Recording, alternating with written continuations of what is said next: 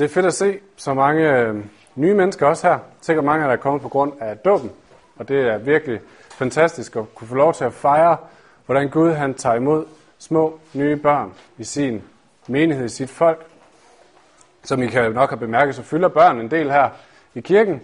Så jeg håber, I kan også finde ro til at være her, trods varme og alt muligt andet i de her små lokaler.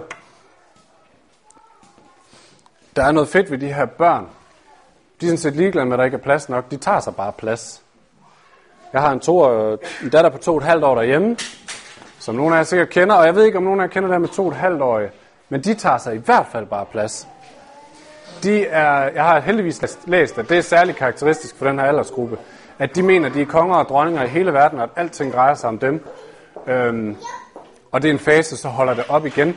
Så det går jeg og trøster mig selv med, men sådan er det tit derhjemme i hvert fald, hvis jeg skal i rette sætte hende på to og et halvt år og virkelig fortælle hende, nu har hun trådt over grænsen.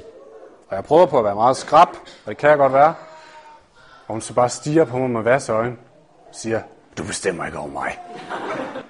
Det gør jeg altså. Teksten i dag handler om det her med, hvem er det, der bestemmer over hvem? Hvem er det, der bestemmer over mit liv? Eller hvad er det, der bestemmer over mit liv? Og Jesus vil lære os noget om det i, dag, i dagens tekst. Vi skal læse den. Jeg må gerne blive siddende, nu har vi lige stået op. Fra Lukas evangeliet. En gang, mens Jesus var i en af, øh, af byerne, kom der en mand, som var fuld af spedalskhed.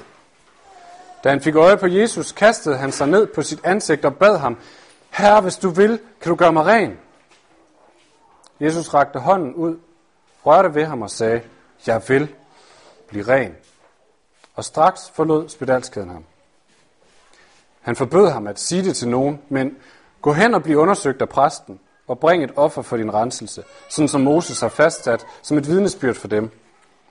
Men rygtet om ham spredtes mere og mere, og store samledes for at høre ham og for at blive helbredt for deres sygdomme. Men han trak sig tilbage til øde steder og bad. Teksten begynder med at introducere en mand for os, der står om ham, at han er syg. Han er spedalsk, og det står faktisk meget malerisk beskrevet. Der står, at han er fuld af spedalskhed. Man kan næsten se det for sig. Han er virkelig fuld af spedalsk. Han er ikke bare sådan lidt, lidt mandesyg, lidt hoste, eller hvad folk de går rundt med i den her måned. Han er virkelig syg. Og for spedalskhed, der gælder det, at det begynder som en lille udslet, men efterhånden så overtager det hele kroppen og det kommer til at fylde hele kroppen. Så han er virkelig syg på hele sin krop. Men den her sygdom har også overtaget mere end hans krop. Den har overtaget hele hans liv. Fordi det var en afsindigt smittefarlig sygdom. Og det betyder, at alle de viste det mindste tegn på spedalskhed, så blev de isoleret uden for byen. De blev taget væk fra deres arbejde, fra deres familie, fra alle deres relationer, og blev placeret uden for byen og måtte leve der i ensomhed, for ikke at smitte resten af byen, for ikke at alle skulle få den her forfærdelige sygdom. Så sygdommen er ved at ødelægge hans krop, men den er også på samme tid ved at ødelægge hans liv. Alt, hvad han plejede at være, alle de relationer, han plejede at indgå i. Så man kan sige, at hvis man kan snakke om noget med at bestemme over ens liv, så den her mand, det der bestemmer over hans liv lige nu, det er den sygdom, for det har fuldstændig overtaget alt, alle hans, alt hvad han tænker, hans handlinger, alt hvad han gør, er bestemt af, at han er syg. Så man kan virkelig snakke om, at han er fuld af spedalskhed, han er fuld af den her sygdom. Det er det, der er blevet den bestemmende faktor, eller det, der bestemmer i hans liv. Så det er manden, som vi starter med at blive introduceret for, og vi skal gå videre og se, hvad der sker med ham. Men inden, så skal vi lige prøve at bruge ham af manden til noget, fordi Lukas, som har skrevet evangeliet og skrevet en beretning. Han har ikke bare vil øh, fortælle os lidt om de sociale omstændigheder, eller om, om spændende syge mennesker i, på Jesu tid. Nej, han har skrevet det her for, at vi skal kunne spejle os i det, for at det skal fortælle os noget om, hvem vi er, og hvordan Gud møder, og hvordan Jesus møder os i dag. Og der er ingen af os, der er spedalske, går jeg ud fra. Sygdommen findes stadigvæk, men så vidt jeg ved ikke i Danmark. Men jeg tror alle sammen, vi kender det her med, at være fuld af noget, som vi bliver så fuld af, så det kommer til at styre vores liv, så det kommer til at bestemme vores handlinger og vores prioriteringer det vi, øh, det vi bruger vores tid og vores energi og vores ressourcer på. Den slags ting har vi alle sammen i vores liv. Måske er det sygdom, måske er det noget andet. Og sandheden er, at hvis ikke vi bliver opmærksom på de ting, hvis ikke vi ser, hvad det er, der styrer os i vores liv, så kommer det til at styre os. Fanger I den? Hvis ikke vi lægger mærke til, hvad der er, der bestemmer over vores liv, så kommer det til at styre vores liv fuldstændig. De ting, der styrer os, kan opdeles, tror jeg, i to ting. Der er de dårlige ting, og der er de gode ting. Det lyder meget sort-hvidt, det er det ikke. Bare vent og se. De dårlige ting, det er de ting, vi gør og bruger vores liv på, som vi egentlig ikke vil. Alt det, som vi ikke har lyst til at gøre, men som vi gør. Og lad os bare tage de klassiske. Bagtagelse, porno på internettet, snyd i skat, hissighed over for børnene, eller konen, eller vennerne. Øhm, alle den her slags ting, som vi ved egentlig godt, at vi ikke, ikke vil gøre det, men vi kommer til at gøre det alligevel. Og fordi at det vil gøre, så kommer det til at fylde mere og mere i vores liv, fordi vi har det måske så ringe med, at vi gør det. Så det kan godt være, at jeg er lidt hissig over for mine børn en gang imellem. Men efterhånden, så begynder jeg, så fylder det så meget i mit liv, at jeg har det så dårligt over det her, at jeg begynder at tænke om mig selv, at jeg er virkelig også en dårlig far. Jeg bliver fuld af den her historie om mit liv, at jeg er en dårlig far.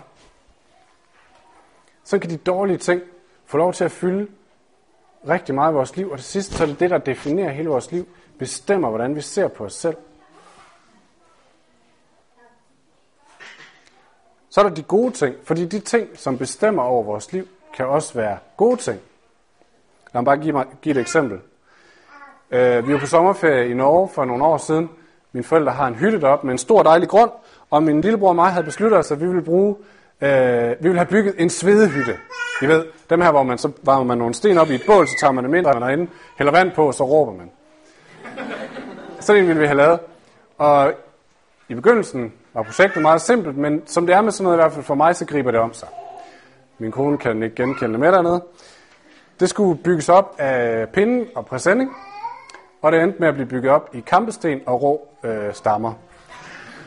Og det betød, at i en uge fra morgen til aften, så gik vi at bygge det her projekt Svedehytte. Så en uge af min familieferie gik med at bygge projekt Svedehytte. Det har jeg hørt for mange gange siden. Fordi jeg er typen, som når jeg går i gang med noget, så vil jeg gerne gøre det så godt som overhovedet muligt. Så, så er der ikke nogen nemme løsninger, så er der ikke noget med at gøre det halvt, så skal det virkelig gøres ordentligt. Og jeg er villig til at putte rigtig mange ressourcer og rigtig meget tid i, at ting skal blive ordentlige. Det er en super god egenskab at have en gang imellem.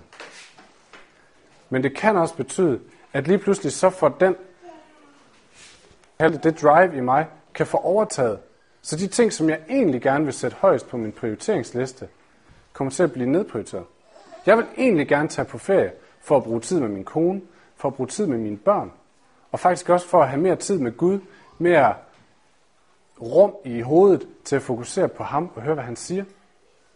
Men det her drive til at bygge den her svedhytte så fed som muligt, gør, at mine børn bruger ikke tid med, min kone bruger ikke tid med. Så det, som er en god ting, bliver en dårlig ting.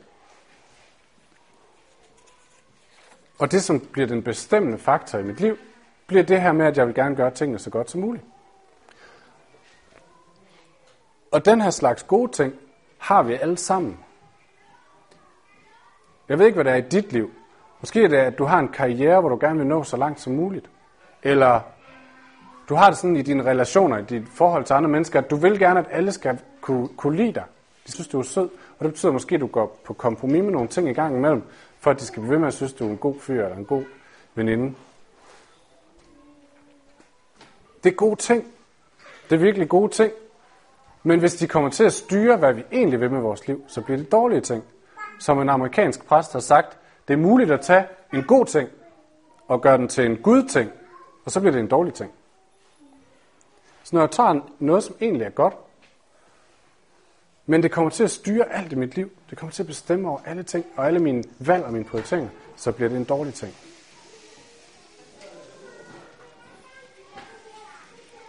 Hvis vi vil have et liv, hvor vi ikke bare er styret af det, som nu engang har dannet os, det som nu engang har formet os, så er vi nødt til at få styr på, hvad er det for nogle ting, og hvad skal vi gøre ved det. Prøv lige at bruge et minut stillhed og overvej, hvad er det for nogle ting, som bestemmer mit liv, bestemmer mine handlinger. Du behøver ikke dele med din sidemand, bare hold det for dig selv.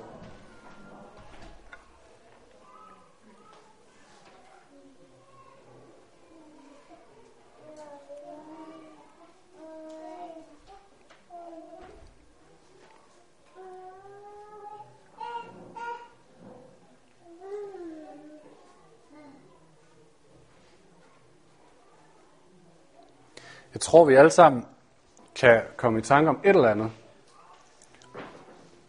Enten de dårlige ting, eller de gode ting, som har fået for meget plads. Og det betyder, at vi står som ham her manden, som vi mødte i begyndelsen af teksten. Manden, som kommer til Jesus fuld af spedalskhed, fuld af noget, der har taget kontrol over hans liv, og er kommet til at bestemme det hele, og sætte en anden retning for det, end han egentlig ville. Og derfor så skal vi høre, hvad teksten fortæller os om, hvordan møder os, hvordan Jesus møder os i dag i den situation. Og jeg, skal, jeg vil begynde med manden, og jeg vil godt advare jer. Den her mand er en mand, han har valgt en mandeløsning på problemer. Og det kan også godt være, at det kan bruges på nogle kvinder, det ved jeg ikke. Men I kender sikkert den typiske mand. Han klarer sig selv, han klarer tingene, klarer skærne. Så øh, uanset hvad der sker, så skal han nok klare dem. Om det så er et bildæk, der springer, om det er konen, der er ked af det derhjemme, om det er huset, der brænder. Jeg skal nok klare mig. Jeg skal nok klare mig selv. Jeg behøver ikke hjælp, og jeg behøver ikke, jeg behøver ikke en masse støtte og deletid og alt det her pjat. Jeg skal nok klare mig. Det er den rigtige mand. Og jeg tror, at manden har gjort det på samme måde. Jeg synes, det springer ud af den måde, det er fortalt på. Han har gået, og så har han kæmpet med det. Han er blevet syg, og han, øh, han har ikke fortalt nogen om, hvor hårdt det faktisk er ved ham at blive syg. Han har ikke fortalt nogen om, hvor hårdt det er ved ham at blive isoleret sit arbejde, miste sin familie. Han har ikke fortalt nogen om, hvor hårdt det er at prøve på at bevare kontrollen i livet, når der er noget andet, der er ved at overtage kontrollen. Fordi han kan nok klare sig selv. Han er jo en mand. Han tager det som en mand.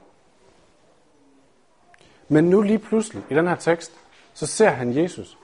Så ser han, han får en eller anden fornemmelse af, ham her Jesus, han kan faktisk gøre noget ved det. Og så opgiver han fuldstændig at bevare den her kontrol.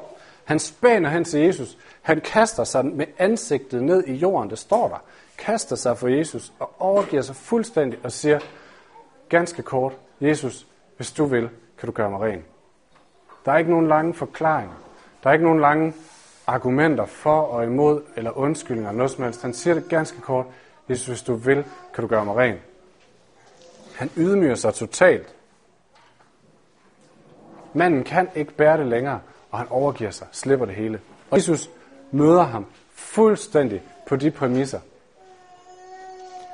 I andre situationer, der begynder Jesus at sådan stille spørgsmålstegn ved at sige, ja, hvad er det, du siger, hvis jeg er god, eller begynder at stille spørgsmålstegn ved, hvorfor folk de kommer. Men ham er, som kommer og ydmyger sig totalt, Jesus ser det, og han anerkender det, og svarer ganske kort, jeg vil blive ren.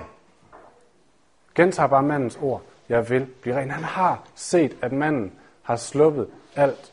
Han har ydmyget sig, og at han bare har sluppet kontrollen over, og over sin mandlige ære og stolthed. Og på en eller anden måde, så har jeg lyst til at stanse her. Fordi for mig, der er der et eller andet helt vildt dragende i den her næsten banale scene. Det kan godt være, det er, fordi jeg er en mand, det ved jeg ikke. Men man kan bare se ham af manden. Han har kæmpet, og han har kæmpet. Han har virkelig prøvet på at holde alle facader og barriere oppe. Bevare sin ære. Men nu ser han Jesus. Han ser en, der kan gøre noget ved det. Og så smider han det hele. Kaster sig ned for Jesus. Og bare siger det eneste, han kan sige. Hvis du vil, kan du gøre mig ren. Der er et eller andet hudløst ærligt i den her, i den her overgivelse. Og Jesu reaktion er endnu smukkere på en eller anden måde, fordi han ikke stiller spørgsmålstegn, men bare anerkender. Han ser, at manden giver op, går helt ind på hans præmisser og siger, det vil jeg. Det du spørger om, det vil jeg. Og til alle os, der kender til det at være fuld af noget, noget, der styrer vores liv, så fuld, at vi næsten ikke engang kan ånde længere. Den her tekst den inviterer os til at se at Jesus bare står klar til at modtage og sige, det vil jeg. Jeg vil dig virkelig, og jeg vil sætte dig fri for det. Og så rækker Jesus sin hånd ud mod manden og rører ved ham. Og der sker noget mærkeligt. Fordi det er ikke sygdommen, der smitter Jesus, men det er Jesus, der smitter sygdommen. Det er ikke Jesus, der bliver syg, men det er sygdommen, der bliver ren. Det er manden, der bliver ren, og der bliver rask. Så det Jesus rører ved, bliver helbredt.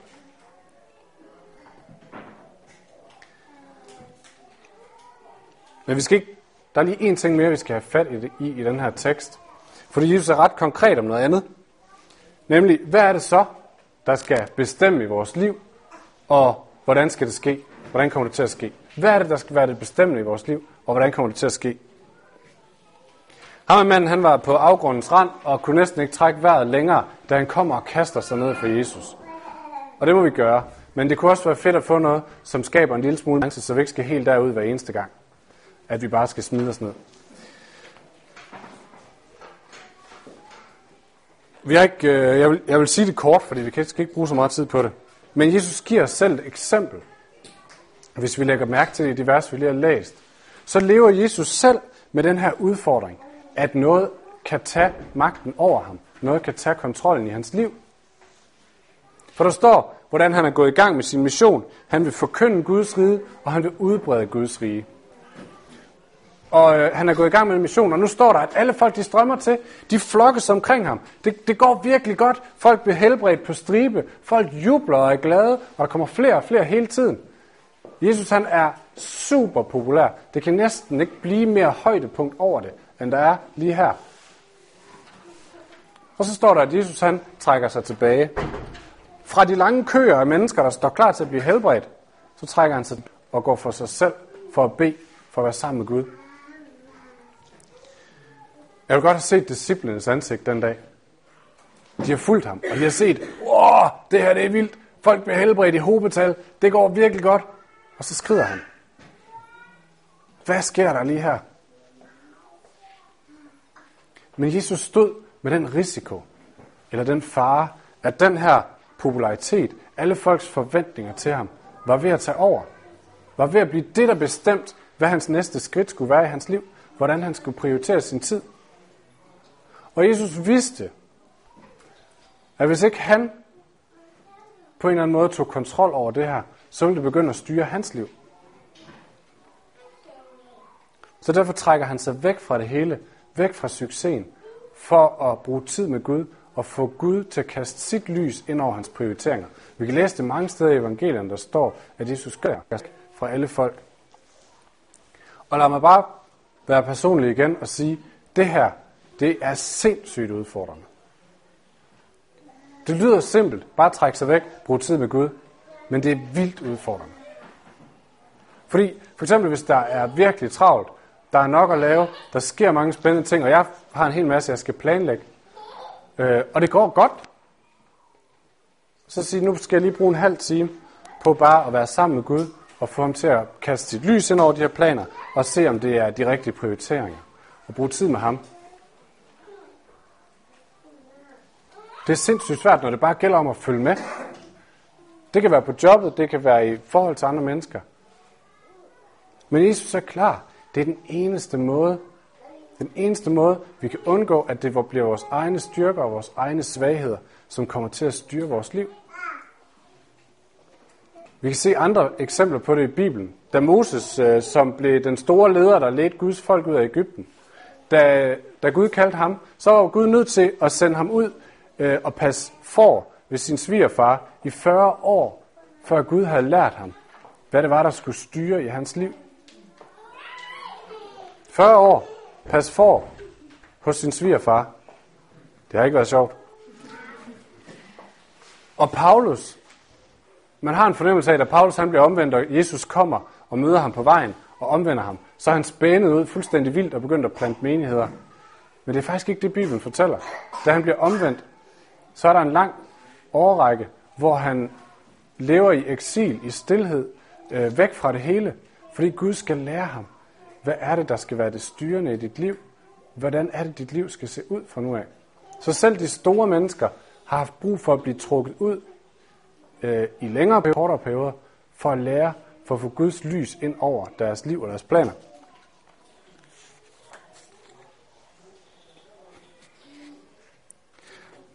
Det her det skal ikke lyde som sådan en eller anden øh, selvforherligelse, selvforbedringskursus, at Nå, så skal vi bare hjem og, og tage os sammen, og så kan vi øh, gøre det bedre i morgen.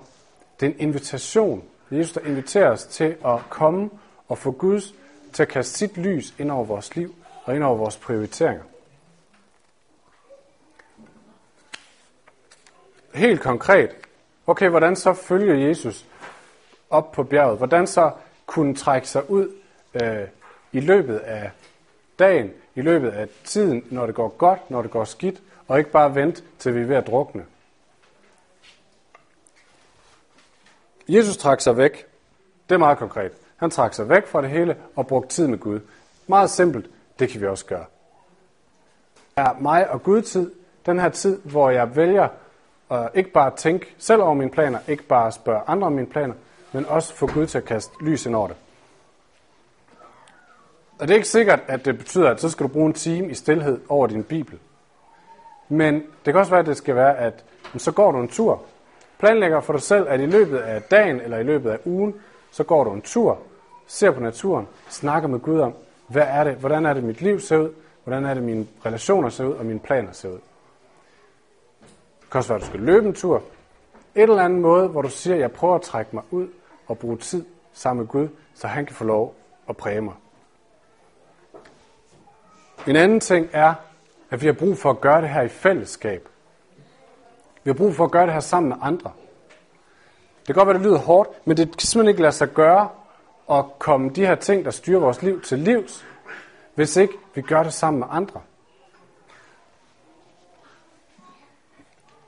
Så vi skal på en eller anden måde have mennesker i vores liv, som vi tør dele med, hvad er det for nogle ting, der styrer i mig, hvad er det for nogle ting, der leder i mig og bestemmer over mit liv, og hvad, hvordan ser det ud? Her i kirken kan, har vi disciplegrupper, for eksempel, hvor vi har den taleret ind i hinandens liv, at vi prøver at se på de her ting. Det kan også være, at det er enkelte personer, som man har det forhold til, at man siger, du må godt øh, få lov til at spørge ind i mit liv, hvordan går det med dine prioriteringer, eller din, din, øh, ja, hvad der styrer og leder i dit liv lige nu.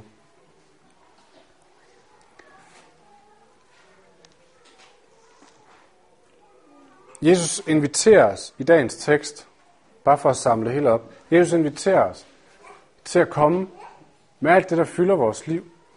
Alt det, som leder os og som styrer vores prioriteringer. Og til enten at smide os som mand og sige, nu kan jeg ikke mere. Eller sige, mit liv kører egentlig okay, men Gud vil du ikke kaste dit lys ind over og øh, fortælle, hvem jeg er, hvem du er ind i mit liv.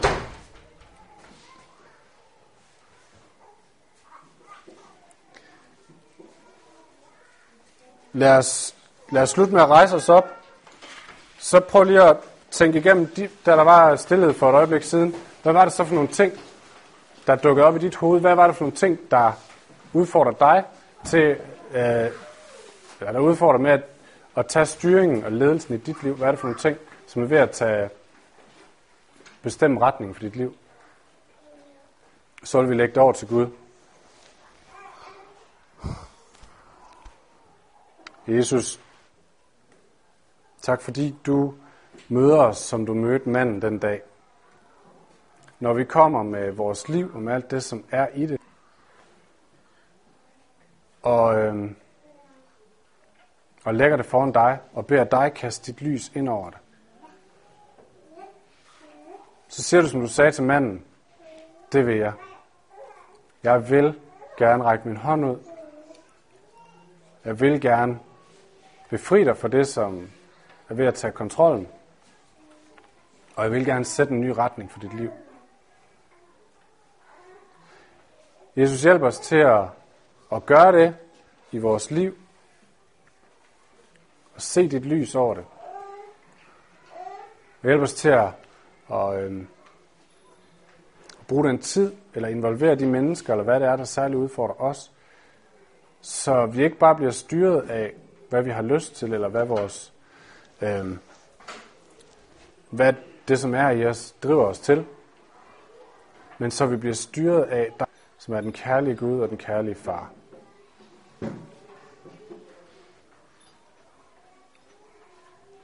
Amen.